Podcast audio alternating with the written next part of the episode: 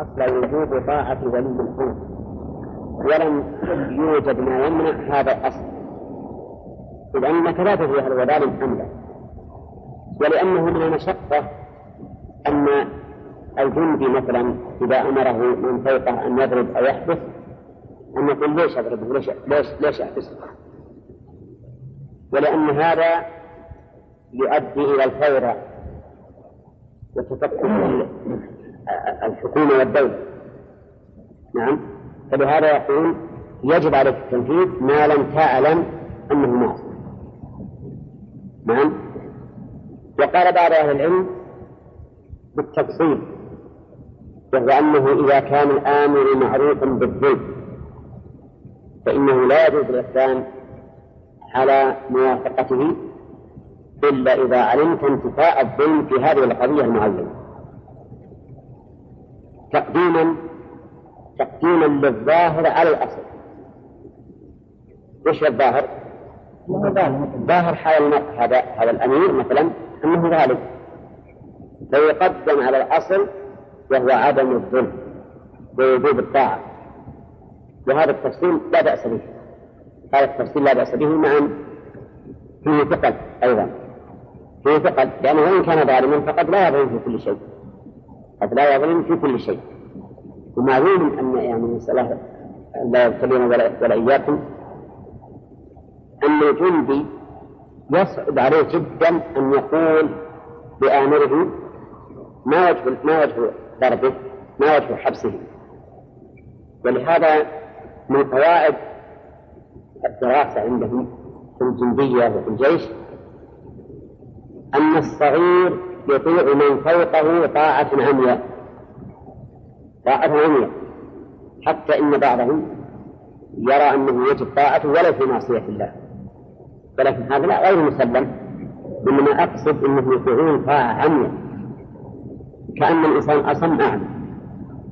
فعلى كل حال هذه المسألة من أخذ بالقول بوجوب الطاعة مطلقا ما لم تعلم أنه ظلم فقد أخذ بالأصل وكان معه ساعة. تبي نغلس فيها عن نغلس الهواء عليه و... ومن أمكنه أن يستفهم عند أمر الأمير عن هذا الأمر الأمير الذي ظاهره الظلم بالعدل اللي, اللي لم يعرف أنه ظالم تجب طاعته ولا يحتاج إلى التفصيل. هذا لا بأس به. المهم أن نأخذ من هذه الآية أن جنود الظالم ظلمة نعم. طبعا إذا وافقوه عرضا نجاة من القول ظالمين نعم يجوز. بل قد يجب أحيانا. بل قد يجب. إذا كان وجوده في هذا مخصص بعض الأشياء. نعم لا ترك لا تميل إليه. ومساعدتهم بالظلم أما أن يصل جلد لهم لأخفف من ظلمهم فهذا ما في شيء. فأما ينضم إليهم ليساعدهم أو يقوي جانبهم. نعم ولو معنويا فهذا ما يجوز.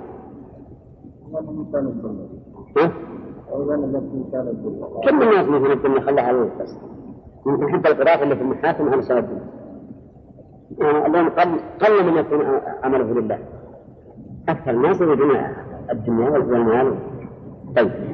قال كيف من قالت إحداهما يا أبا تستأجره إن خير من استأجرت القوي الأمين. يستفاد من هذا جواز آه تكلم المرأة بحضور الأجنبي. نشير إلى هذه الفائدة. هل هل نوافق على هذا ولا لا؟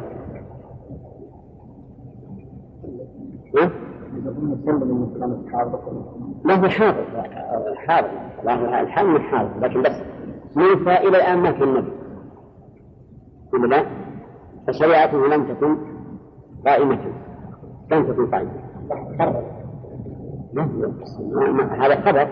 ما بعد ذكر المشركين وغيرهم كلام. لكن تكلم الصحابة إيه هو الظاهر؟ ظاهر أنه في محاولة موسى ولهذا قال قال إني أريد أن أنكح تحت بنتين بالحال فهذه قد لا نسلم أن هذا الجميع على الجواز لأن شريعة موسى في ذلك الوقت لم تكن قائمة.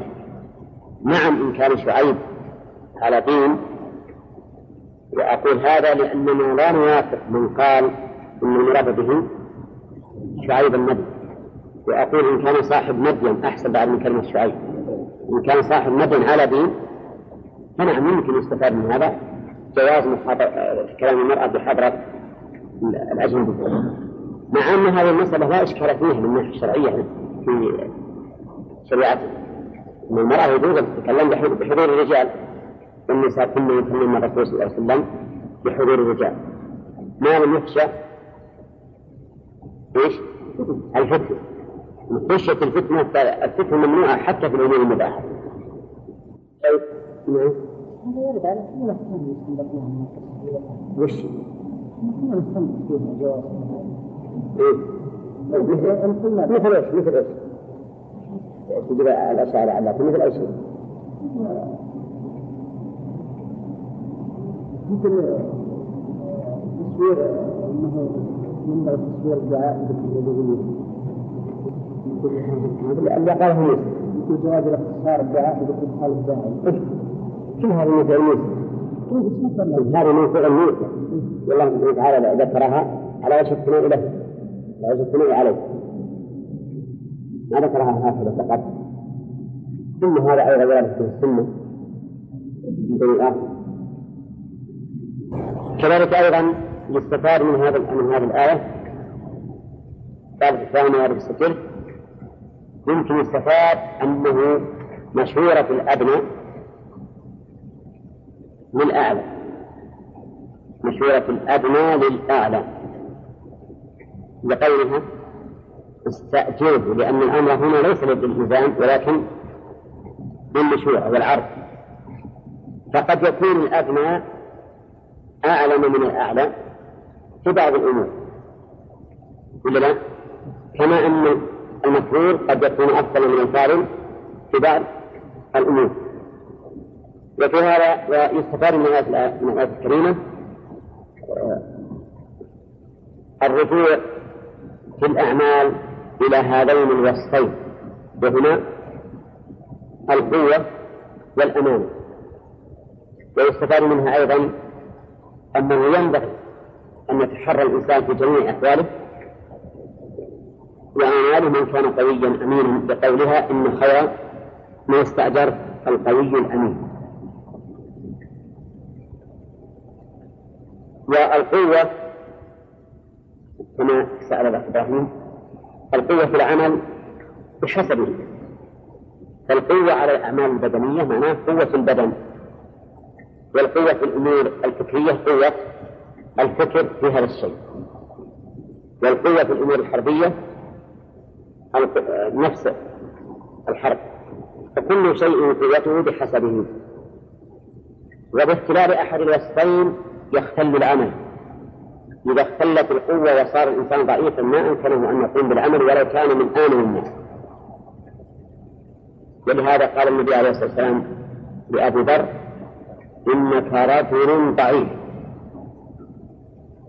فلا تولين إمارة ولا على مال يتيم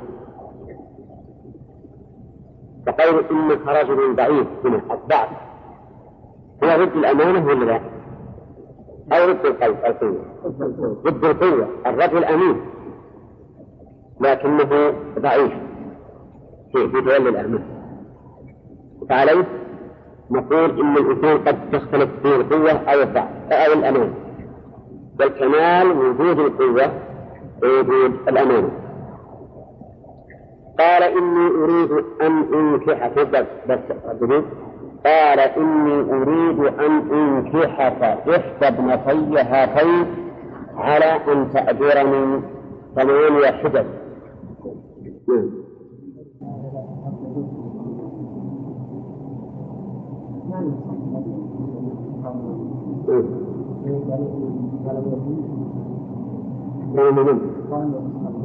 لا قد يشتغل مثل الأئمة في شعبهم شعبهم معلم لهم ظلم منه يمكن يعني لا يلزم إنه ينال منهم ظلم قال إني أريد أن أنكحك إحدى ابنتي الآن نبي نتكلم أريد أن أنكحك.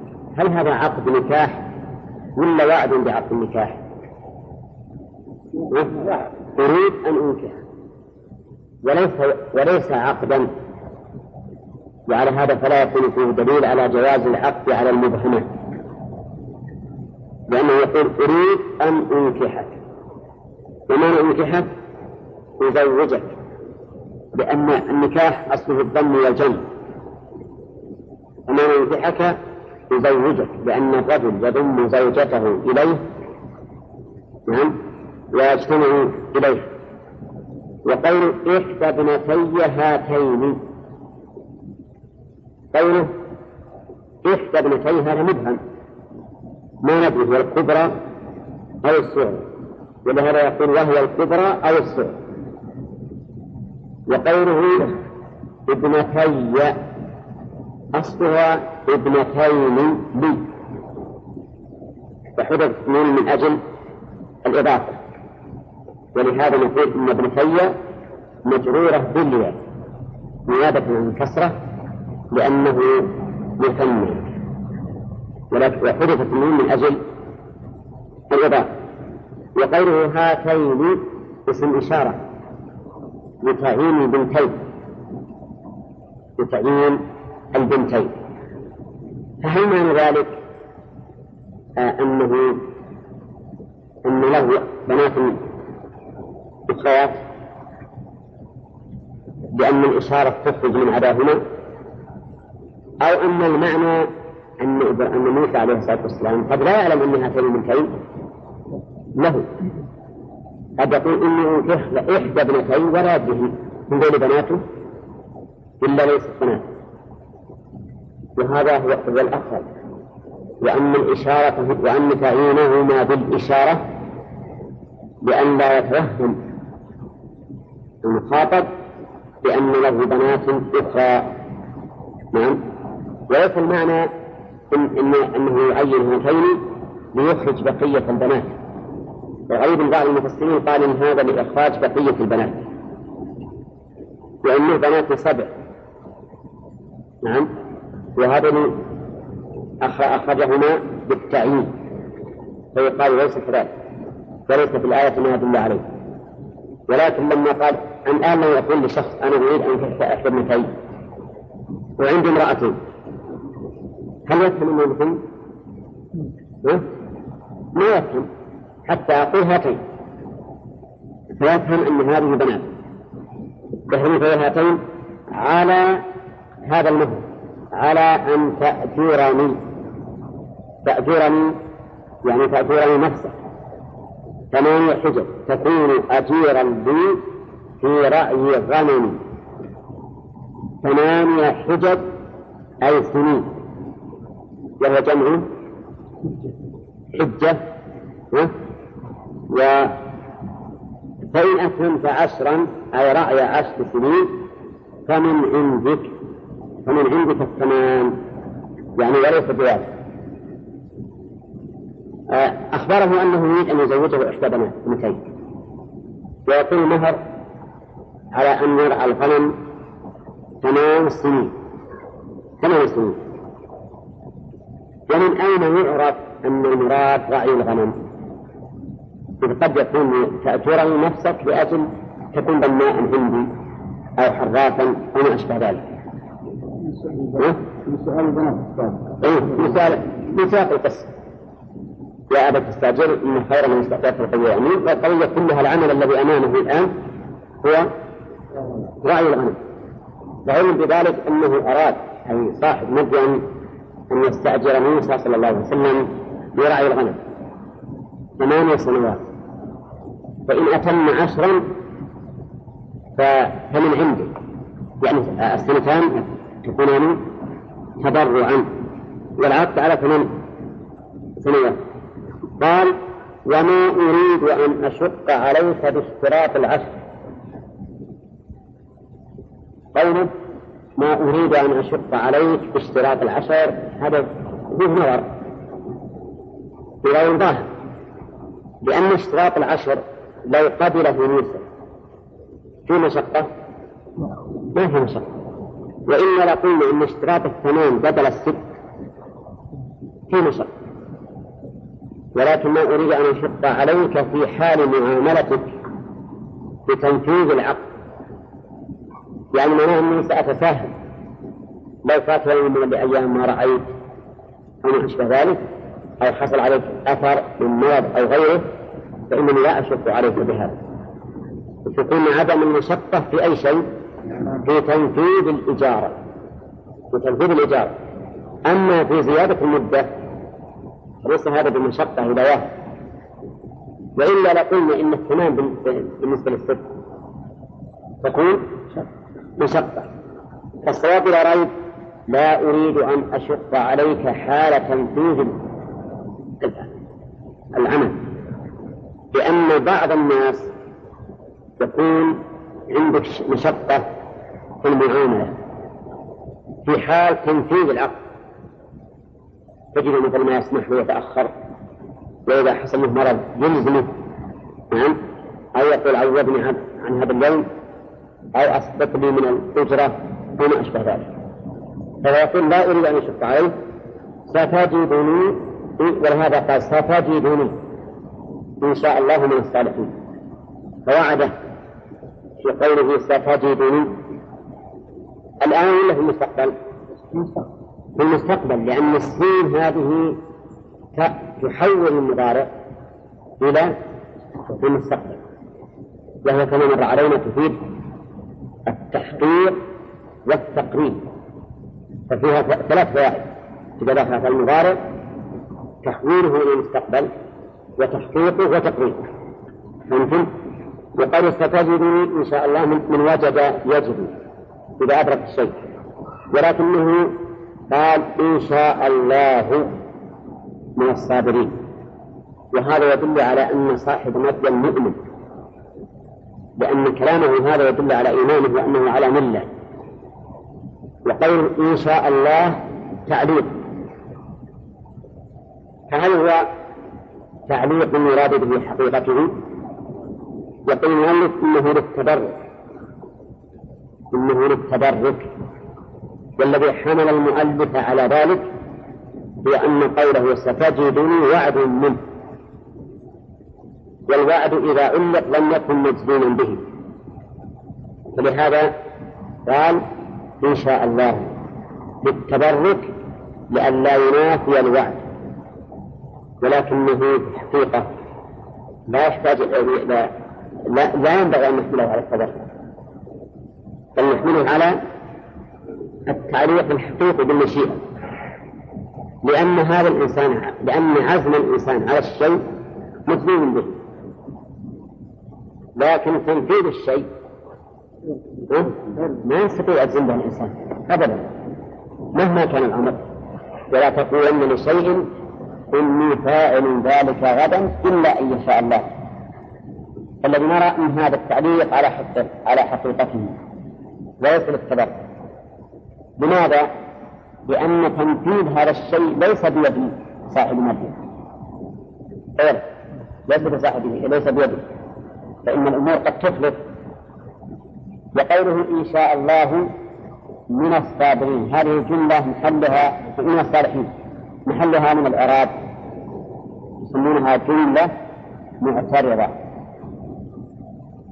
بين إيش؟ بين الفعل ومفعوله.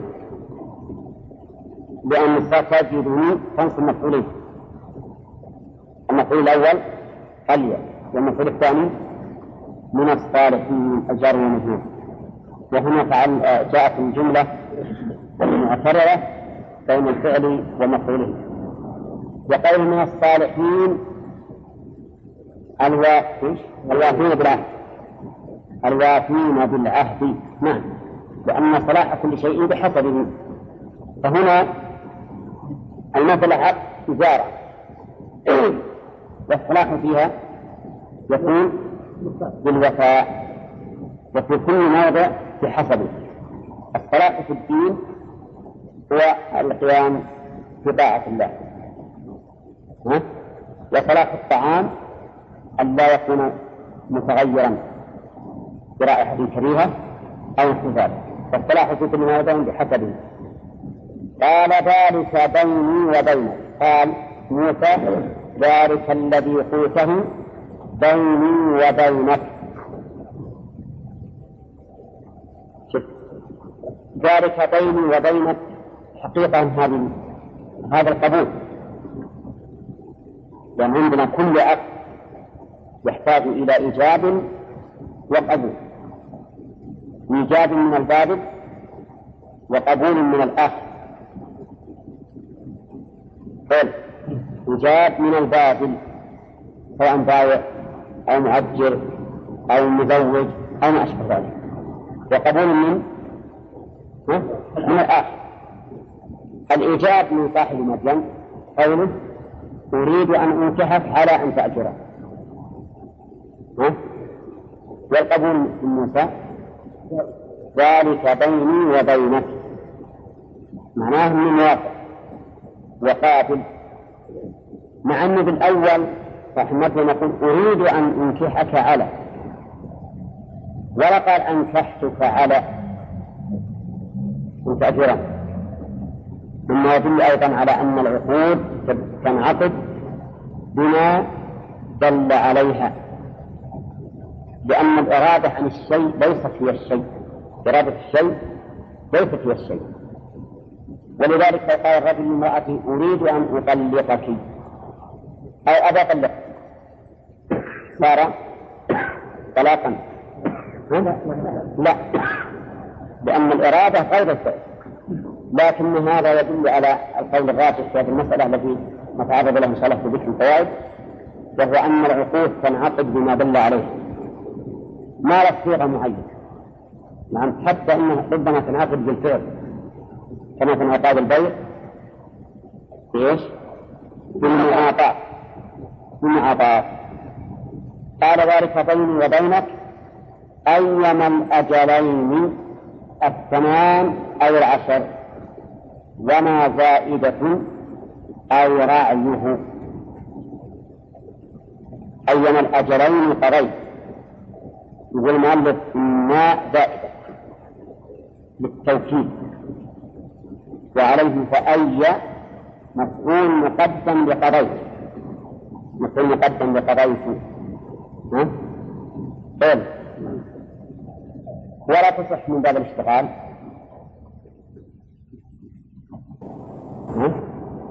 ما تصح. لأن باب الاشتغال لا بد أن يكون في العامل ضمير إذا لم يكن في ضمير فالسابق مفعول. تقول مثلا زيد أكرمته. هذا من باب الاشتغال. لأن فيه ضمير. لكن زيدا أكرمت بدون ضمير. هذا من باب المفعول المقدم وليس من باب الاشتغال. الذي معنا الآن يماثل يماثل زيدا أكرمته ولا يماثل زيدا أكرمته؟ ها؟ ها؟ يماثل زيدا يماثل زيدا أكرمته لأنه قال أيما الأجلين قضيت ولم يقل أيما الأجلين قضيته. فليست المسألة من باب الاشتغال لكنه من باب المفعول المقدم. وقول الأجلين يقول المؤلف أو رأيه. لأنه نعم حقيقة هذا ما حاجة إلى تفسير لأنه معروف من السياق. فموسى سيقضي الأجلين ولا سيقضي الرأي؟ وش عمله؟ الرأي. إذا سيقضي الرأي في الأجلين. ولهذا قال المؤلف أي رأيه. لكن هذا سائر في اللغة العربية وكثير. أنه يطلق الأجل على العمل. على على العمل. نعم. فالمعنى أي من أجلين قضيت يعني المدتين قضيته بالرأي. قضيتها بالرأي. فالصواب أن يبقى المرمي على ظاهره. ويقال إنه أيما الأجلين قضيت بالرأي. ويكون بالرأي حدث لأنه معروف. أما أن نقدر أن المفعول رأي وأن هذا على سبيل التوسع والمجاز فيه نظر وقوله أيها الأجلين قضيت الأجلين عندنا الآن ثمان سنين وهي واجبة. وعشر وهي مثل مثل من ولهذا قال إن أتممت عشرا فمن عندك. قال فلا عدوان علي أي من الأجلين قضيت فلا عدوان قضيت به أي فرغت منه.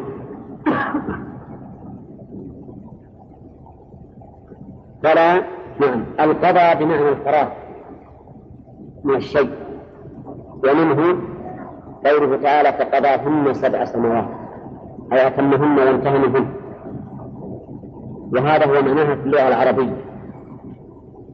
وأما في الاصطلاح فإن القضاء ما فعل بعد فواته عند فقهاء القضاء ما فعل بعد فواته ولهذا يقولون الرجل إذا صلى الصلاة بعد الوقت تسمى قضاء. والرجل إذا فاته بعد الصلاة مع الإمام. وقام يكمل يسمونه قضاء. يسمونه قضاء ولهذا يقولون إنه يقرأ فيه سورة مع الفاتحة ويستفتح ويتعوذ. كأنه الآن دخل في صلاته. ولكن الصواب انه القضاء بمعنى الإتمام والانتهاء من الشيء. وفي مسألة الصلاة يفسر يفسره قول الرسول صلى الله عليه وسلم في الرواية الأخرى ما فاتكم فأتم. أي من أجل قريت فلا عدوان علي. لا ما في إبراهيم ما في لا ما هي تأمل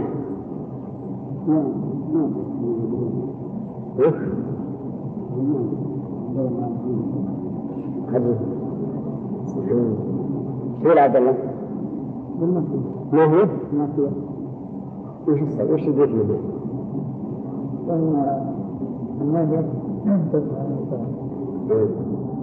لأنها ما تختص بالأفعال وهذه أيضا ما نافية فقط نافية للجنس ولهذا بني اسمه معه وقال فلا عدوان علي وما العدوان معناها الظلم والاعتداء يعني فإذا قضيت هذه الأشياء فإنه لا لا عدوان علي بذلك لأنني أتممت العقد. ومن أتم العقد فإنه لا اعتداء عليه. لكن ما الذي تتصورون من العدوان في مثل هذا العقد؟ هنالك يقول بطلب الزيادة عليه. وهذا صحيح. أن نقول له للمستأجر لا زد. هذا عدوان. كذلك فلا عدوان علي في إلزامي بما لا يخطيه العقد. كما لو طلب منه مثلا أن يرعى الغنم ليلا ونهارا كذلك لا عدوان عليه بمماطلته بالأجرة. نعم. فإذا قضيت الأجل يتم العقد. فالمهم أن العدوان لا يختص بطلب الزيادة فقط.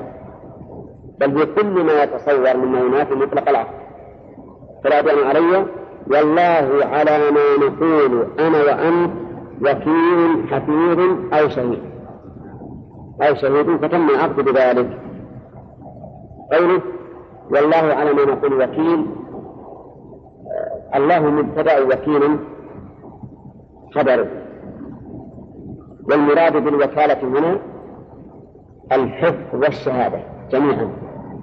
فقوله أو شهيد هذه التنويع وليست بالشك ولكن الأصح أنها عامة وأن وكالة الله سبحانه وتعالى على الشيء منه الحفظ والشهادة. ها؟ وشهيد طيب. عندنا بأو وقوله هنا على ما نقول تقديمها على عاملها وهو وكيل المعروف أنه يفيد الحصر. ومعلوم أن الله سبحانه وتعالى على كل شيء وكيل مو على على ما نقول فقط ولكنه حصر في هذا لزيادة الاهتمام به. لزيادة الاهتمام به. وإلا فلا شك أن الله وكيل على كل شيء. ولكن كأنه يقول لو لم يكن الله شاهدا على شيء لكان شاهدا على ما نقول. من العقد الذي جرى بيننا وفي هذا دليل على أن موسى صلى الله عليه وسلم كان عارفا بالله وعنده الفطرة وإن لم يكن قد نبئ الآن لأن قوله والله على ما نقول وكيل هذا اعتراف منه بالله سبحانه وتعالى وبما له من الصفات كونه سبحانه وتعالى وكيل على وكيل على كل شيء. ظاهر الحالة أنه ما في ما في شهود. ها؟ طيب. لأنه قال والله على ما نقول وكيل. ما عندهم شهود يثبتون هذا العقد فهل مثلا يكفي مثل في في شرعنا وأن نتفق مع شخص ونكتب والله على ما نقوله وكيل أو شهيد؟ يكفينا ما ولهذا بعض الناس الآن يحتج عليه يقول الله شاهد على هذا. نعم الله الشاهد ونعم الشاهد. لكن خليه يدري بشهادته. في آية تدل على صدق ما قلت. إيه؟ نقول نعم الله سبحانه وتعالى لا شك أنه نعم الشاهد وأن شهادته فوق كل شيء. قل أي شيء أكبر شهادة؟ قل له. ولكننا نقول أين الآية من الله سبحانه وتعالى التي تشهد بأنه حصل كذا وكذا؟ دائما كنا مثلا بما أنه يأتينا بعض الزكوات يجينا مثل فقير يقول أنا والله ما عندي شيء. الله شاهد على ذلك. ما عندي شيء ما أوتيه يقول الله شاهد على ذلك؟ يقول ما تقبل الله؟ ها؟ إيش الجواب؟ ها؟ أقبله. أقبل الله. لكن هات آية تدل على أن الله شاهد بذلك. أما مجرد كلامك هذا غير مفروض كل واحد يقول على الشاهد نعم؟ عليه الصلاة والسلام يقول لو الناس بدعواهم بدع رجال بما أموالهم ولكن يبين هذا المدعي. فأنت هات مثلا إذا أنزل الله وحيا بهذا أو جاءت آية تدل على صدقه فنحن نقبل شهادة الله وهي فوق كل شهادة.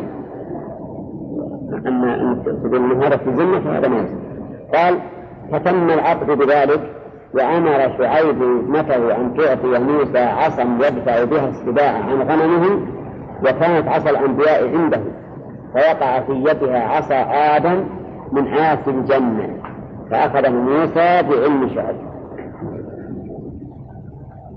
هذه من من الإسرائيليات اللي ما تصدق وحتى بعد ما هل نظم هل نأخذ من الآية أن موسى عليه الصلاة والسلام أخذ عصا؟ ما في الآية دليل أخذ عصا ولا شيء. تم العقد هذا وصار يعمل به نعم. اي نعم شرطية نعم. إيه؟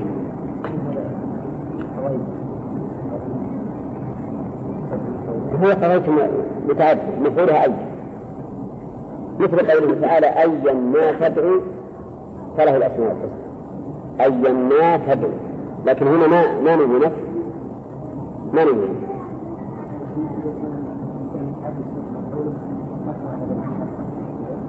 ما ما صار مفعول الآن. ما صار مفعول. مفعول أي نعم.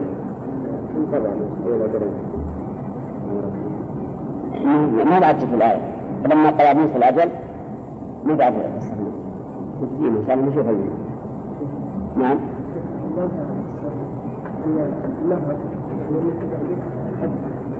هنا وبيجينا بالفوائد إن شاء الله. وهل يجوز أنه يشتغل المهر للأب أو نقول أن هذا حقيقته عائد على البنت لأن حصل فيها فائدة حصل لها فائدة وهي أنها تسلم من بعد الغنم والتعب فيها جرى على الألف من أن التعب طيب. فلا تربصون بنا إلا إحدى الحسنين. ما قال إلا إحدى الحسنين نعم. واضحة ما في إشكال طيب. قوله إن خير من استأجرت. تعيين لأي فعل؟ لقولها استأجر استأجر قوله إني أريد أن أنكحك إحدى ابنتي. هل هذا عقد أو وعد به؟ نعم. إني أريد أن أنكحك إحدى ابنتي هل هو عقد أو وعد بالعقد؟ وعد. وعد وعد؟ وش وش الدليل؟ وش الدليل؟ وليس عقد. ما قال إني أنكحت. إني أنكحت. بل قال أريد أن أنكح. والمريد للشيء قد يفعله. وقد لا يفعله كذا؟ إذا فليست الآية أنه عقد له. طيب. لكن قوله ذلك بيني وبينك ما يدل على على العقد. يدل على القبول. على أنه قبل أن يزوجه. طيب. ما الفائدة من قول هاتين؟ الله لأن الإنسان أنه غير هذا له بنات أن فإذا قال هاتين تعين المرأة الحاضرة لأن لا يظن أن هناك أن هذول من بناته. طيب. وقوله ثمانية حجج. ما هي الحجج؟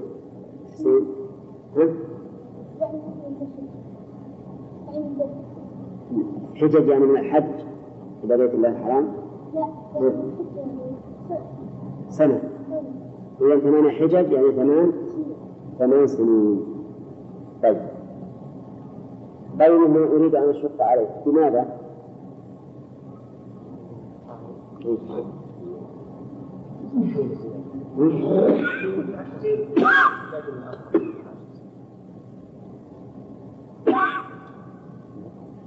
إذا قلنا هكذا يمكن نقول بعد أن الثمان بالنسبة للست مشقة.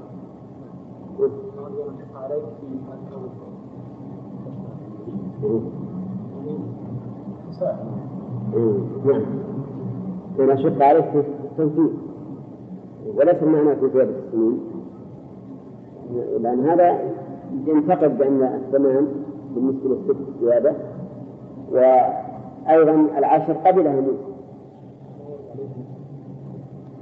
كلام معين نعم. نعم. ما شق عليه ما دام مقدار موسى ما في مشق من الاصل قوله ستجدني إن شاء الله.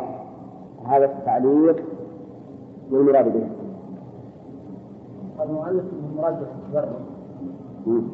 لأن لأن لا يكون فيه مكان في عقد التجارة لكن الصحيح أنه على باب.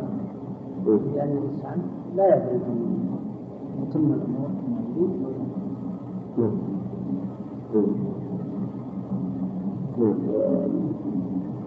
قوله أيما الأجلين قضيت. شرط أيما الأجلين أي عنه من الإعراب؟ من مراد بالأجلين؟ العشر العشر أو الثمان وما في قوله أيما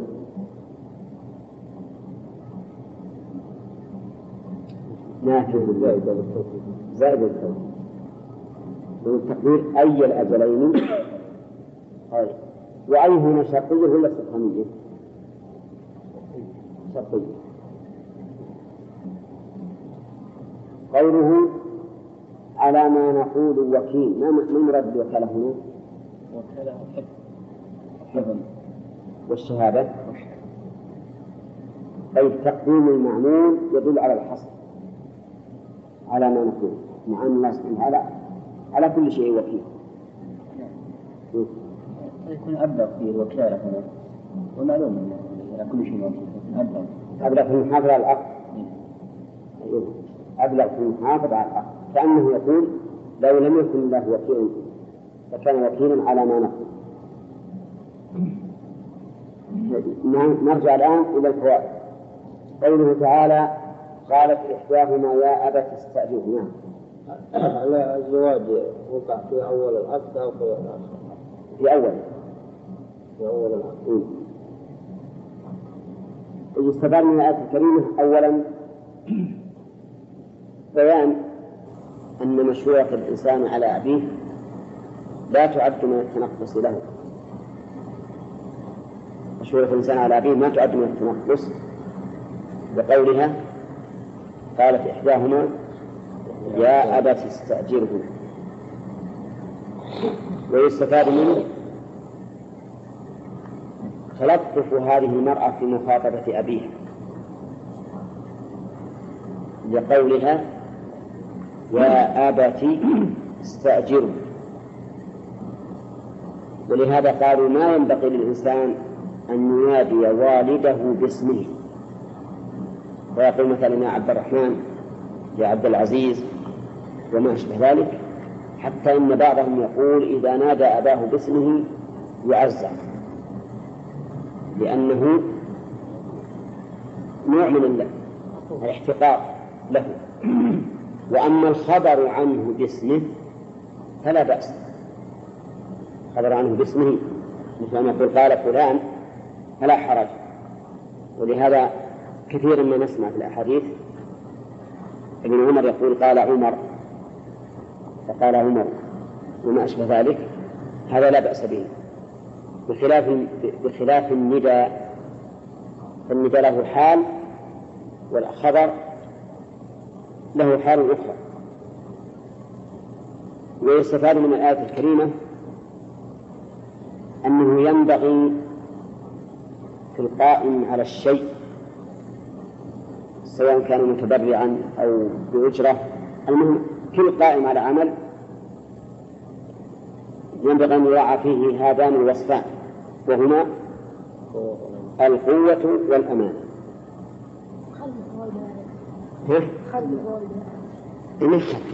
يمكن يجي فارغ ما كتبناه في الأول تكتبونه. إيه؟ يستفاد من هذا أنه ينبغي أن يراعى في القائمة على الشيء هذان الأمران القوة والأمان.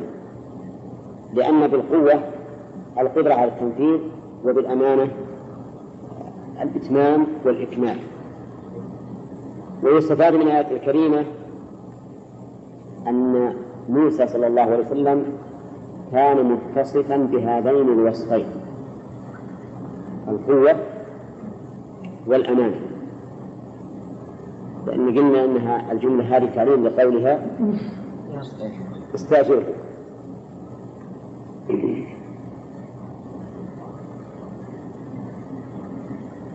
ثم قال إني أريد أن أنكحك إحدى ابنتي هاتين على أن تأجرني ثمانية حجج.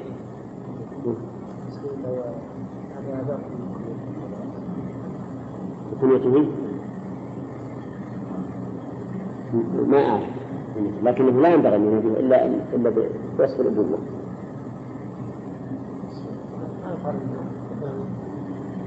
وصف الأبوة له بالنسبة لولده كنيته لا كله من مثل يا أبا فلان الذي ينبغي أن يناديه باسم معناه أهون من النداء بالاسم كذلك النداء باللقب لا بأس به. مثل نقول يا أمير المؤمنين مثلا هذا لا بأس بعضهم يقول جاء الشايب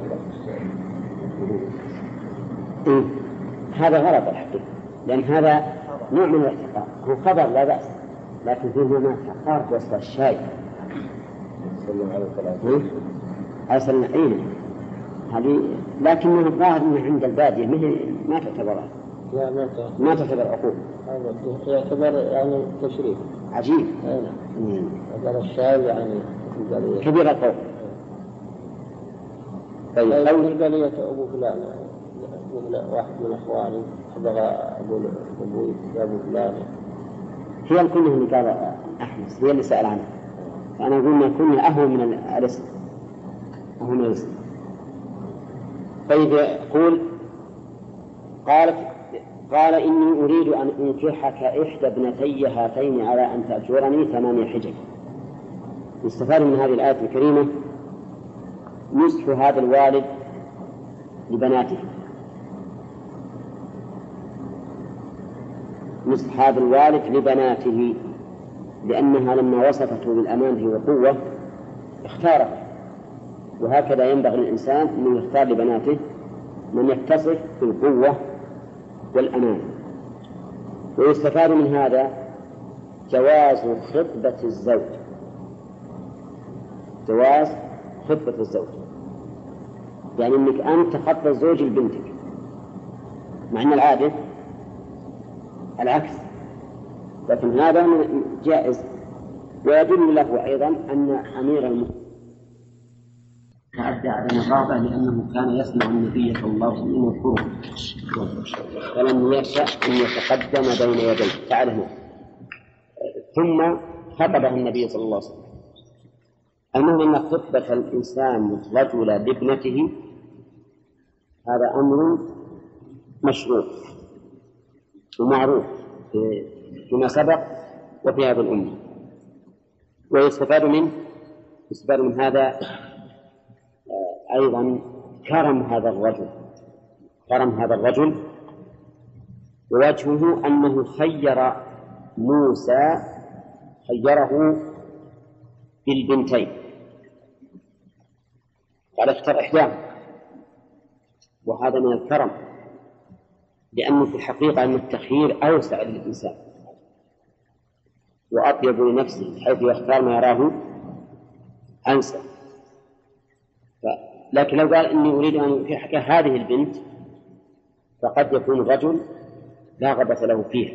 أما إحدى ابنتين التخيير يدل على الكرم وأن الإنسان جعله وأنه جعله في سعة ويستفاد من ذلك ولاة نناقش جواز العقد على المبهمة إيجابا لا قبولا يعني معناه أنه زوجتك إحدى ابنتي فيقول الزوج قبلت نكاح فلان. قبلت نكاح فلان. وهذه هذه المسألة لها ثلاث صور. إما أن يحصل التعيين بالإيجاب والقبول. يحصل التعيين في الإيجاب والقبول. فيقول زوجتك بنتي عائشة. هذا فيقول قبلت هذا تعيين ما في خلاف هذا تعيين في الإيجاب وفي القبول. فالإيجاب الولي قال زوجتك بنتي عائشة عينه والزوج قال قبلت قبلت الزواج هذه المرأة. وإما أن يكون الإبهام في الإيجاب والقبول. فلا يصح. مثل أن يقول زوجتك إحدى ابنتي فيقول قبلت نكاح إحداهما. فهنا لا يجوز لا لا نعقد النكاح. لأنه ما ندري أيهما التي أيتهما التي انعقد نكاحها وإما أن يكون التعيين في الإيجاب دون القبول فيقول مثلا زوجتك بنت عائشة فيقول الزوج قبلت نكاح إحدى بناتك. إيش الحكم؟ لا يجوز. لا نعم بقينا بالصورة الرابعة. لقينا ثلاث صور والواقع أربع صور. الصورة الرابعة أن يقول زوجتك إحدى بناتي فيقول قبلت نكاح فلان قبلت نكاح فلان سميه فهنا الإفهام في الإيجاب والتعيين في القبول فهل يصح ولا ما يصح؟ ها؟ المذهب لا يصح لأنه لا بد أن يكون التعيين في الإيجاب والقبول ولكن الذي يظهر أنه يصح لأنه لما قال زوجتك إحدى بناتك فقال قبلت عائشة ها؟ معنى حصل التعيين ولا لا؟ حصل لكن الموجب الموجب اللي هو الولي أراد أن يفتح له المجال بالاختيار وهذا الظاهر صحة العقد لا سيما إذا قال زوجتك إحدى بناتي هؤلاء. وعينه وقال قبلت عائشة وهي من المعينات. فهذا أيضا أقرب للصحة لأنه حصل تعيين بأي شيء؟ بالإشارة. بالإشارة.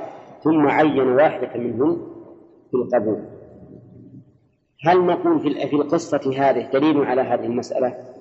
إحدى ابنتي وموسى على كل حال يقبل حداهم مقابل فيه فهل في القصة دليل؟ لماذا؟ ولأنه لا لم يعقل. قال أريد أن أنكحك يعني فتخير وربما يكون العقد وقع بعد ذلك. عقد جديد. وقد قدمنا قبل قليل أن الإرادة للشيء غير فعل الشيء. هل يستفاد من هذه الآية الكريمة أن أن الزوج يملك العقد على ابنته بدون رضاها؟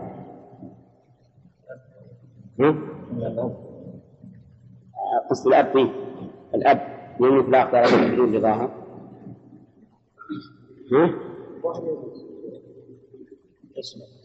الآية الآية ما فيها دليل الآية نفسها نفسها ما فيها دليل. إذ من الممكن أن يكون الأب قد استأذن منهما قبل ذلك. أو أنه فهم منهما الرضا بكونه بكونها عرضت عليه ووصفته بالقوة والأمانة. وعلى كل على كل تقدير حتى لو فرضنا احتمال أنه لم يستأذن فإن شريعتنا وردت بخلاف ذلك. وأنه لا يجوز للإنسان أن يزوج ابنته بدون رضاه وأن العقد إذا زوج ابنته بدون رضاها يعتبر باطلا ليس بصحيح. ويستفاد من الآية الكريمة جواز اشتراط الأب شيئا من الصداق له.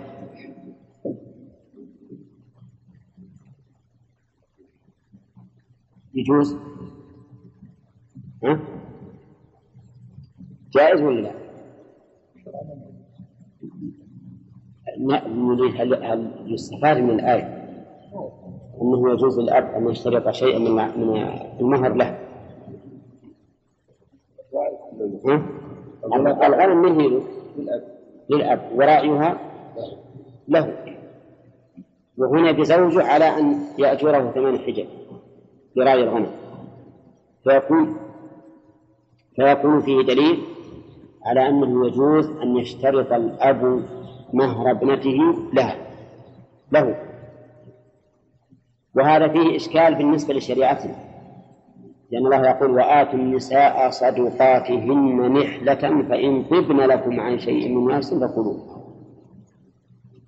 وقال فنصف ما فرضتم إلا أن يعفون أو يعفو الذي بيده أو النكاح. وهاتان الآيتان تدلان على أن المهر لمن؟ للزوجة. وهي التي تملك التصرف فيه. بالعفو والإعطاء وليس للأب حق في ذلك. وهو الذي دلت عليه السنة أيضا أن ما كان من شرط أو حباء قبل العقد فهو للزوجة. وكان وما كان بعده؟ فأحق ما يكون عليه المرء ابنته وأخته. المهر اللي قبل العقد كله يجب أن يكون للزوجة. وهذا القول هو الصحيح. أن المهر لمن؟ للزوجة. لا يشاركها فيه أحد لأنه في مقابلة بضعها. فيكون له وليس للأب أن يشترط منه شيء لنفسه شيئا. نعم للأب إذا ملكته الزوجة أن كم لا هي أن تعطيها حتى تعطيه. أن يتملك منه. لأن الأب له أن يتملك من مال ولده ما لا يحتاجه ولا يضره. لقول النبي صلى الله عليه وسلم أنت ومالك لأبيك. فأما أن يشترط له شيئا لنفسه فكلا. فإن الشرع لا يجيزه. وهو أيضا سبب للفساد. وملاحظة الأب للمهر يبدأ يزوج من يشترط له أكثر. وإن لم يكن كفوا. ويمنع من من لا يشترط له وإن كان كفءا فالمصلحة والشرع كلاهما يقتضي أنه لا يجوز للأب أن يشترط لنفسه شيئا من المهر. طيب والأم والأخ ها؟ من باب أولى الآن البادي والعياذ بالله على خلاف هذا يشترط الأب شيء والأم شيء والأخ شيء. والمرضعة شيء والكلب شيء الحمار الغنم شيء. وهكذا. يبقى المرأة مالا من المهر إلا مثل مال الحمار والكلب. وهذا ما يجوز. حرام. يجب أن يكون المهر كله لمن؟ للزوج. ولا لأحد عليه سلطة إلا الأب فله سلطة عليه متى؟ بعد ما تملكه. ويدخل في ملكها فللأب أن يتملك من مال ولده ما لا يضره ولا يحتاجه. طيب هذه الآية استدل بها بعض العلماء على أنه يجوز للإنسان أن يشترط من مهر ابنته شيئا. المهر كله أو بعض؟ نقول لا لا يصح. لأن شرعنا ورد بإيش؟ بخلافه استدل به بعض العلماء أيضا على أنه يجوز أن يكون المهر منفعة تستقلها الزوجة من زوجها يعني أن يكون يعمل لها بناء يبني لها بيتا يأتي يأتي لها بشيء غائب والاستدلال واضح ولا لا؟ لأن رعي الغنم منفعة عنه. إذ لو لم يرعاها موسى من يقوم برعيها؟ هاتان البنتان وهو في الحقيقة منفعة لها. ثم إن شرعنا ورد بوثاقه قال النبي عليه الصلاة والسلام للرجل الذي لم يجد عنده شيئا زوجتكها بإيش؟ بما معك من القرآن. وهذا منفعة. لكن لو اشترطت عليه أن يخدمه أن يكون مهرها خدمتها. مثل هذه المرأة عجوز كبيرة خطبها الإنسان ما عنده مال أو عنده مال. وقالت المهر إنك تخدم. تشيل مثلا أتوضأ. وكذلك أيضا تقدم حذائي غسل ثوبي وما أشبه ذلك. يجوز ولا لا؟ فيه خلاف بين أهل العلم. منهم من يقول إنه لا يجوز لأن مقام الزوج أن يكون أعلى من مقام الزوجة. فإن الزوج سيد كما قال الله تعالى وألف يا سيدها لدى الباب والزوج رجل فهو قوام على المرأة الرجال قوامون على النساء. والمرأة أسير عند الزوج. أسيرة اتقوا الله في النساء فإنهن هوان عندكم.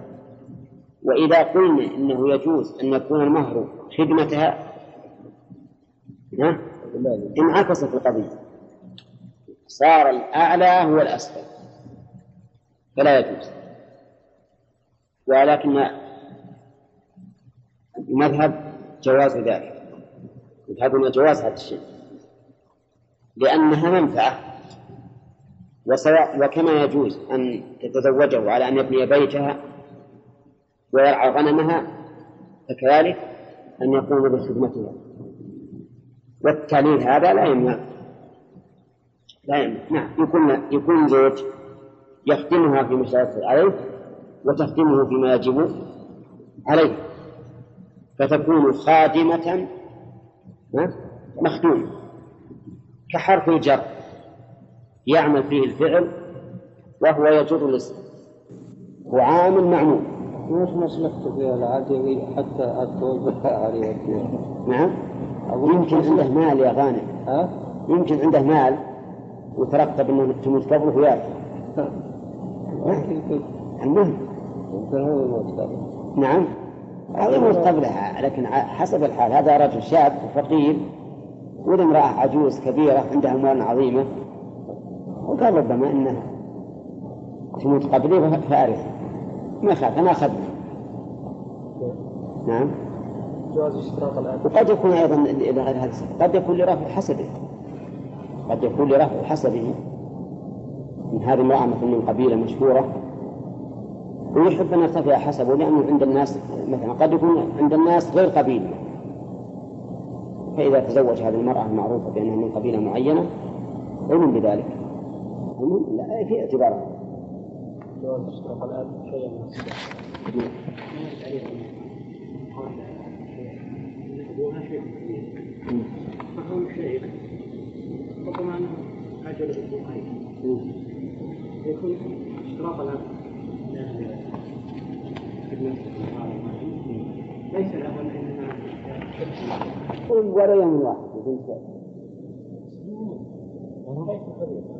بنت لأن لأن غنمها الآن إذا تزوجت المرأة فبتلهو بزوجها الرعي تضيع الغنم المهم الحمد لله أن الشرع يخالف هذا لا يجيب ويستفاد من هذه الآية أنه يجوز أن يجعل الإنسان العمل عملين عملا واجبا وعملا تبرعا؟ يجوز؟ يعني يقول أبى أستأجر منك هذه السيارة عشر سنوات واثنا عشر سنة من عندي يجوز ولا لا؟ يجوز ما في مانع. يقول جرك بيتي خمس سنين هذه المدة تحتاج خمس سنوات. ف... والسنة السادسة تبرع. إن شئت أعطيتك إياه إن شئت طلعت. فلا بأس به. ونظيره من بعض الوجوه أن يقول القائل لشخص خذ هذا الشيء بيعه بمئة. وما زاد فلك. فإن هذا جائز. بشرط أن يكون عند كل من الطرفين معرفة بالسعر. لأن لا ينخدع أحدهما. تبارك واحد مثلا عنده حاجة ببيع وجاء إلى الدلال وقال قال خذ هذه الحاجة بيعها بمئة وما زاد فولك يجوز؟ نقول نعم جائز. يبيعه بمئة وعشرين يأخذ عشرين. بمئة وخمسة يأخذ خمسة بمئة وعشرة يأخذ عشرة. ولكننا نشترط في هذا أن يكون لدى كل من الوكيل والموكل علم بالسعر لئلا ينخدع أحدهما. أفهمتم يا جماعة؟ ها؟ أي سعر؟ سعر هذه السلعة. يعرف أن مثلا تساوي من المئة قد تزيد قليلا وقد تنقص قليلا. أما أنه ما يدري وش تسوى؟ يقول بيعه بمئة ومن لو هذاك يبيعه بأربعمائة مثلا يكون سعرها أربعمائة وهو ما دري أو يكون مثلا يعرف سعره ما تساوي خمسين. ها؟ والوكيل ما يدري. من الذي يظهر هنا؟ ها؟ الوكيل. وفي المسألة الأولى الموكل. واضح تمام؟ زين. الوكيل إذا صارت أدوم من المياه ما هو بيع السلعة وثبت يصير المعروف. الإضلال على رأيه المهم إنه إذا صار من السعر معروف. ان هي قيمته من المئة إلى تزيد قليل أو تنقص قليل ما يخالف يعرفون هذا. لكن إذا قدر إن الوكيل ما يدري عن السعر والموكل يدري إن هالسلعه ما يمكن تصل إلى المئة. وجاء يبي قتلها الرجال قال تعال خذ هذه بعهد منه وزود لك. لكن ما يدري المسكين يحسب أنت بتجيب أكثر من مئة. فأخذها وتعب في الحرج عليها وباع. ما بيأت إلا بثمانين أو بتسعين مثلا يكون في هذا؟ على الوقت على الوكيل؟ على الوكيل. وبالعكس إذا كان من الموكل ما يعرف وش القيمة. نعم وقال له البايع آه، الوكيل أنا ببيع عليك بأنه هو اللي يزيد لي. هذا في حسب أنه ما فصل عنه فوافق على هذا فإننا نقول لا يجوز. لأن فيه تغريرا بمن؟ بالموكل تغريرا بالموكل. ويستفاد من هذه الآية أنه يستفاد من هذه الآية حسن معاملة صاحب مدين. حسن معاملة صاحب مدين من وجهين. أولا أنه فسح له في الأجل. أنه فسح له في الأجل. وش قال؟ فمن حجب كانت منت عشرا فمن عندك. وثانيا أنه وعده بالتيسير في المعاملة. حيث قال وما أريد أن أشق عليه وما أريد أن أشق عليه. فهذان دليلان على أنه كان سمحا في معاملته. وفي قوله ستجد ويستفاد من قوله ستجدني إن شاء الله من الصالحين أنه لا ينبغي للمرء أن يعزم على فعل الشيء إلا مقرونا بالمشيئة. إلا مقرونا بالمشيئة.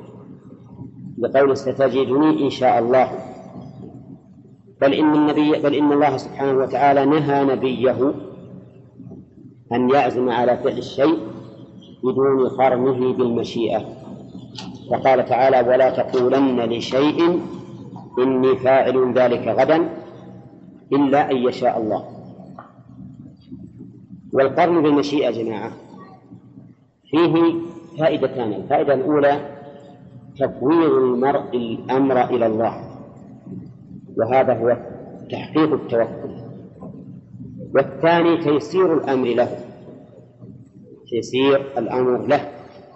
ولهذا قال النبي عليه الصلاة والسلام في قصة سليمان لو قال إن شاء الله لم يحنث وكان دركا لحاجته. وكان دركا لحاجته. فهمتم يا جماعة؟ ترى هذا إذا كان الإنسان يريد أن يخبر عن الفعل أما إذا كان يريد أن يخبر عن عزيمته على الفعل فلا يلزمه قول إن شاء الله. إذا كان يخبر عن العزيمة أنه سأفعل غدا يعني هذه نية وعزيمة فإنه لا يلزمه القرن بالمشيئة. ليش؟ لأن العزيمة حاصلة. حاصلة. فقد شاء الله. فقد شاء الله. وإذا كانت حاصلة وقد شاء الله ما حاجة يقول إن شاء الله لأن الله شاء.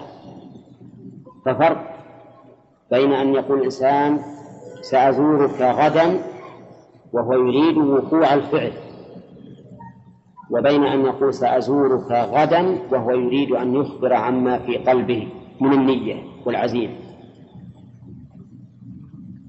أما بينهم فرق؟ بينهم فرق. ففي الأولى لا بد أن يقول إن شاء الله. وفي الثانية لا يحتاج أن يقول إن شاء الله. والفرق بينهما أن العزيمة أمر واقع وأما الفعل فأمر مستقبل قد يقع وقد لا يقع. لكن ما يستحب العزيمة؟ ما أظن. ما يستحب إلا إذا كان على سبيل التعليم فلا فلا بأس. كما قال رسول الله وإنا إن شاء الله بكم لاحقون يعني محقق. وقال الله تعالى تكون المسجد الحرام. إن شاء الله. آمين. قال. ويستفاد منه من قوله ستجدني إن شاء الله من الصالحين. يستفاد منه أن صاحب مدين مؤمن. لأن مثل هذه الصيغة ما تأتي إلا من مؤمن لم مؤمن ملتزم بالشريعة. ستجدني إن شاء الله من الصالحين. ويستفاد منها أن الصلاح في كل موضع بحسبه.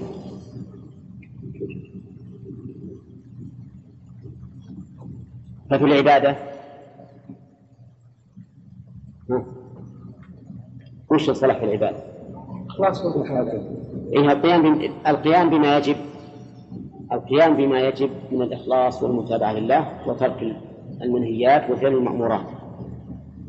والصلاح في المعاملة الوفاء بما يقتضيه العقد هذا الصلاح في المعاملة. الوفاء بما يقتضيه العقد. نعم. هنا ستجد إن شاء الله من الصالحين أي الأمرين أليق صلاح العبادة ولا المعاملة؟ المعاملة لأن المسألة جاءت آه، تعقيبا على عقد ويستفاد قال الله تعالى بعده قال ذلك بيني وبينك أيما الأجلين قضيت فلا عدوان عليك. والله على ما نقول وكيل. يستفاد من هذه الآية أن العقود ليس لها صيغ معينة فتنعقد بما دل عليه. العقود تنعقد بما دل عليها وكذلك الفسوق وكذلك الولايات. كل التصرفات من عقود وفسوق وولايات فإنها تكون تنعقد بما دل عليه.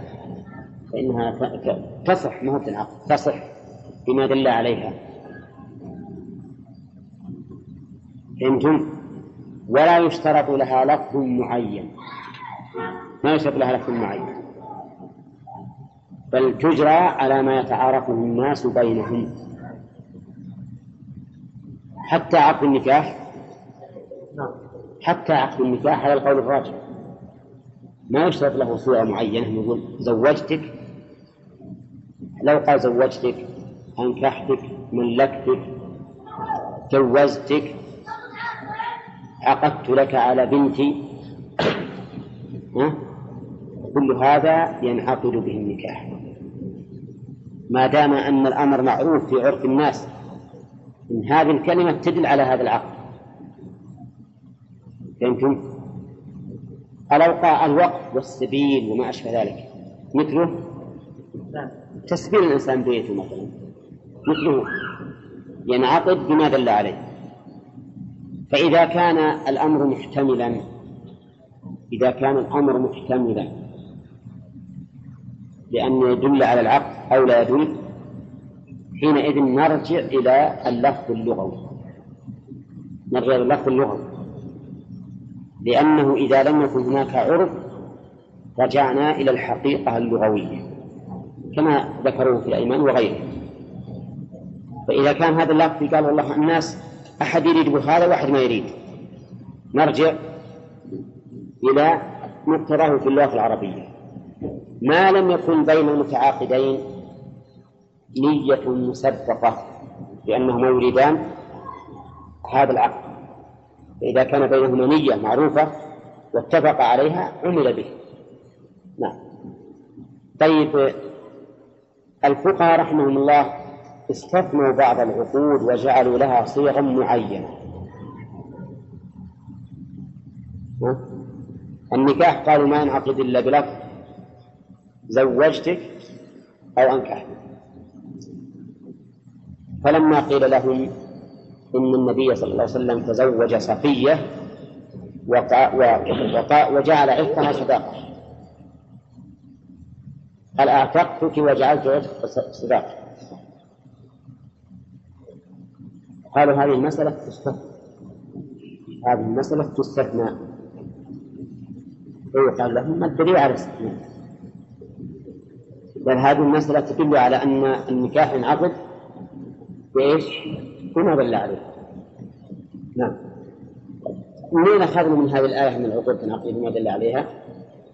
من قوله ذلك بيني وبينك. ما قال قبلت النكاح ولا قال قبلت الإجارة ولا شيء. ذلك بيني وبينك. ها؟ ويستفاد من إشارة قوله بيني وبينك أن العقود عهود. أن العقود عهود في الحقيقة. ها؟ وهو كذلك. لأن كل إنسان يعقد مع شخص فقد التزم أن لا يخونه والتزم أن يفي له بمقتضى هذا العقد ويكون بذلك عهدا.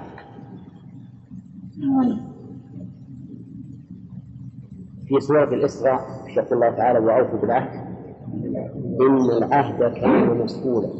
قبل قبل هذه الآية الآية ولا تقربوا التي إلا بالتي هي أحسن ولا التي إلا بالتي هي أحسن حتى يبلغ شدة وأوفوا بالعهد إن العهد كان مسؤولا. الولاية على على على اليتيم نوع من العهد وجعله الله تعالى عهدا جعله الله عهدا. وقد أوفوا بالعهد إن العهد كان مسؤولا. ويستفاد من الآية الكريمة يستفاد من الآية الكريمة أن موسى صلى الله عليه وسلم قبل ما جعله له صاحب مدين من اختيار الأجلين أحد الأجلين إنما قال أيما الأجلين قضيت فلا عدوان علي وبقي العقد مفتوحا ولا معينا؟ ها؟ مفتوح يعني إن أتممت العشر ما تلومه تقول رح اطلع عنه ها؟ ما تعتدي علي بإخراجي من بيتي وطردي عن غنمي ها؟ إن أردت العشر وإن وإن أوفيت الثمان ما تلومني وتقول هذا الرجل ما وفى لي. وهذا معنى قوله فلا عدوان علي. لأن لا اعتداء علي. إن أتممت ما تقول اطلع. خلاص كمل الثمان راح الله وإن اقتصرت على الثمان ما تقول هذا الرجل ما وفى وتكلم في بين الناس؟ فلا تعتدي عليه. وهذا حقيقة يتوجه لأنه ربما يسأل سائل يقول كيف يقول أيما أجل قال فلا عدوان علي؟ ها؟ هو يسأل عليه عدوان والرجل من عهد عليه؟ ها؟ يقول ربما أنه يكون عدوان بمعنى أنه إذا أراد الإتمام العشر يقول له لا ويمنع أو أنه إذا اقتصر على الثمان يبدأ يتكلم به في المجالس. والمؤلف يقول فلا عدوان علي بطلب الزيادة عليه وهذا تقدم أنه مو صحيح. لأن أصل طلب الزيادة غير وارد ويستفاد من الآية الكريمة أن الله سبحانه وتعالى حفيظ على كل أحد لقوله والله على ما نقول وكيل. ويستفاد منه جواز تخصيص العموم لغرض. يعني جواز تعليق الشيء العام بأمر خاص لغرض.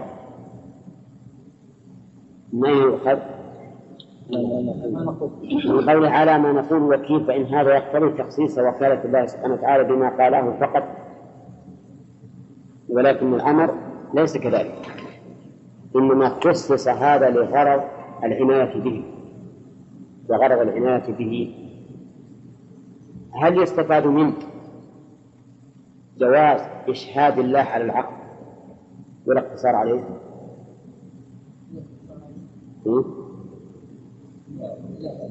ها؟ والله على ما نقول وكيل ها؟ لا الشهادة لله. أنكم تشهدون لله لا لغرض آخر. هو في الحقيقة شرعا ما ما ما يكتفى به شرعا ما يكتفى لكن باطنا فيما بينهما وبين الله يكتفى به وفائدته فائدة ذلك إذا أشهد الله أو جعله الوكيل الحفيظ المراقب فائدته كأنه يقول ينتقم الله تعالى ممن نقض العهد يكون هذا في عرضة عظيمة العقوبة عند نقض هذا العقد لاحظ إنك إذا جعلت الله الشاهد ثم قلت فهذا استهانة بالله ولا لا؟ ها؟ نعم استهانة بالله. مثل ما لو جعلت واحد من المخلوقين شاهد ثم قلت فهذا استهانة بشهادته. وتحدي الله وتحدي الله. نعم. أقول الله شاهد لو ما ما قلنا إيه لكن لكن, استشهاده أعظم. استشهاده أعظم. ولا الله شاهد سأنقذ ولا ما قلنا. لكن الاستشهاد أعظم والتزام الإنسان بمقتضى هذه الشهادة يكون أعظم. يكون إذا فيه توكيد للعقل ولا لا؟ لكن الله الله شاهد علينا. شوف ما عندنا أحد لكن الآن نبي نياك من شيء ثاني أن سبحانه هو الشاهد إذا وافق هذا يكون أبلغ أبلغ التأكيد لأن مخالفته عرضة للعقوبة ولهذا قل من يحلف بالله كاذبا إلا أصيب كل إنسان يحلف بالله كاذبا في خصومه فإنه يصاب في الدنيا قبل الآخرة. في الآخرة إصابته واضحة وهو أن الله أنه يلقى الله وهو عليه غضبان والعياذ بالله. لكن الغالب أن سبحان الله تعجل له العقوبة في الدنيا. تعجل له العقوبة في الدنيا. والقصص على هذا كثيرة. قصص على هذا كثيرة. حدثني إنسان أنه كان بينه وبين شخص في الخرج خصومة في الخرج. تخاصم عند القاضي وأنكر حقه. وحلف المدعى عليه. لكن في اليوم التالي خرج هو وعائلته إلى الرياض. فحصل عليهم حادث ومات العائلة كلها. ما بقي له أعوذ بالله. وهذا واضح. عقوبة معجلة والعياذ بالله. وقد ذكر بعض السلف أن اليمين الغموس تدع الديار بلاقع. بلاقع يعني خالي من أهله تدمر بالله. وإنما قال المؤلف أي رعيه لأن نفس الأجل وهو الزمان ليس بيد موسى. بل الذي بيده هو الرعي يرعى لما قضى الرعي في أجله وقضى بمعنى فرغ قال الله تعالى فلما قضاهن فقضاهن سبع سماوات أي فرغ منهن. فلما قضى موسى الأجل أن هذه بالعهد؟ يعني الأجل الذي بينه وبين صاحب مدين. وقد علمنا أن بينهما أجلين. أجلا واجبا وهو ثمان سنوات. وأجلا تبرعا من موسى وهو عشر سنوات. فأي فأيما الأجلين؟ قضى أيهما؟ هل هو الواجب أو التبرع؟ يقول المؤلف رحمه الله فلما قضى موسى الأجل وهو ثمان أو عشر سنين. وهو المظنون به. الضمير في قوله هو المظنون به يعود على العشر. يعني الذي يظن بموسى أنه أتم عشرا. ولكن الآية محتملة فترجيح العشر بناء على المعلوم من حال موسى صلى الله عليه وسلم.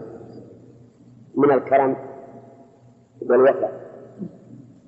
وترجيح أنه أنه الثمان لأنه هو الواجب عليه. وموسى كان في اشتياق إلى بلاده بمصر. وهو قد قال فيما سبق معتبرا أيما الأجلين قضيت فلا عدوان علي. وهذه الجملة قد تشير إلى أنه يريد أن يقتصر على الأجل الواجب. وإلا فمن المعلوم أنه إذا قضى الأجل التطوع فإنه لا أحد يلومه أو يعتدي عليه. فلكل منهما وجه. وموقفنا نحن من هذه القصة أن نفهم ما أفهمه الله سبحانه وتعالى. ونقول قضى الأجل والله أعلم أيهما. قضى فلما قال موسى الأجل وسار بأهله. نعم. المروي عن ابن عباس. أن موسى عليه السلام قضى ترك ما وعده أي نعم هو مر عن ابن عباس وأكثر المفسرين لكن ما في شيء يرجحه كل واحد نعم. لا. ما لا. صحيح ان تفسير الصحابي مساله مطلق مطلقا. لا سيما إذا كان الصحابي ممن عرف بالاخذ عن الصحابيات مثل ابن عباس رضي الله عنه. قوله وس- وسار بأهله السير معناه المشي سار بأهله من عند صاحب مدين وأهله يقول زوجته زوجته بإذن أبيها نحو مصر. أما قوله زوجته هذا صحيح أن المراد أن الزوجة تسمى أهلا. وأما قوله بإذن أبيها فهذا لا دليل عليه. ولا يحتاج الزوج إذا أراد أن يسافر بزوجته إلى إذن أبيها لماذا؟ لأنه إذا سا... لأنه إذا تزوج المرأة صارت ملكا له يسير بها حيث شاء. اللهم إلا إذا سار بها إلى أمر لا يجوز شرعا. فلها أن تمتنع ولأبيها أيضا أن يمنع وإلا فالحق له. طيب لو شرط عليه أن لا يسافر به؟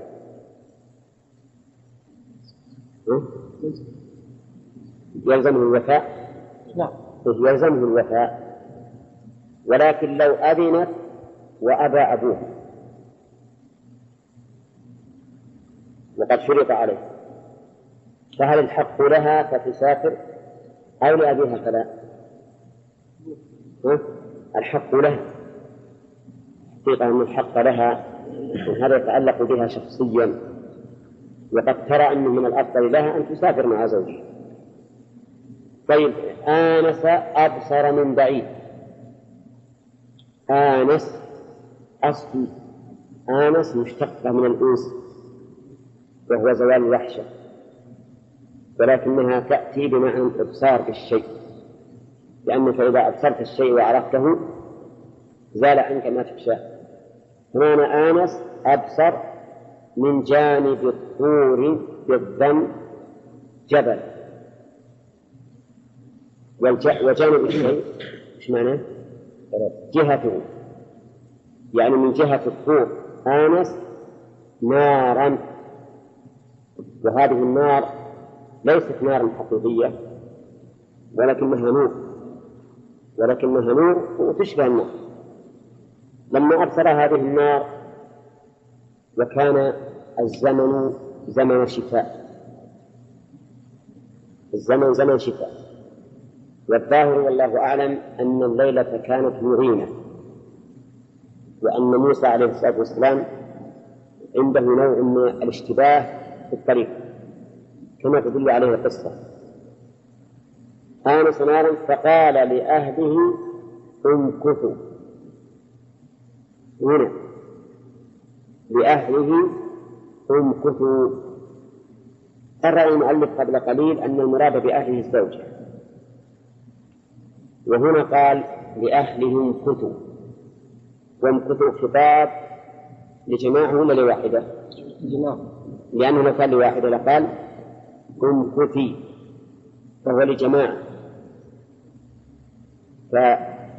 فما هو المخرج من هذا الإشكال؟ إذا قلنا بأن الأهل هي الزوجة فقط. قال بعض المفسرين إنه اصطحب معه خادما. اصطحب معه خادما. وقال بعضهم أيضا إنه ولد له منه. بناء على أنه سلمت له من أول العقد. وبقيت معه كم؟ ثمان أو عشر سنين. فولد. فعلى هذا يكون يكون الخطاب امكثوا للجماعة مطابقا للواقع. مطابقا للواقع. نعم. لأنه مع زوجة خادم وولد ولا لا؟ لأنهم جماعة. وهذا ليس ببعيد. هذا ليس ببعيد لأن جاءت العادة أن الإنسان إذا سافر لا سيما في مثل هذا الحال أن يصطحب معه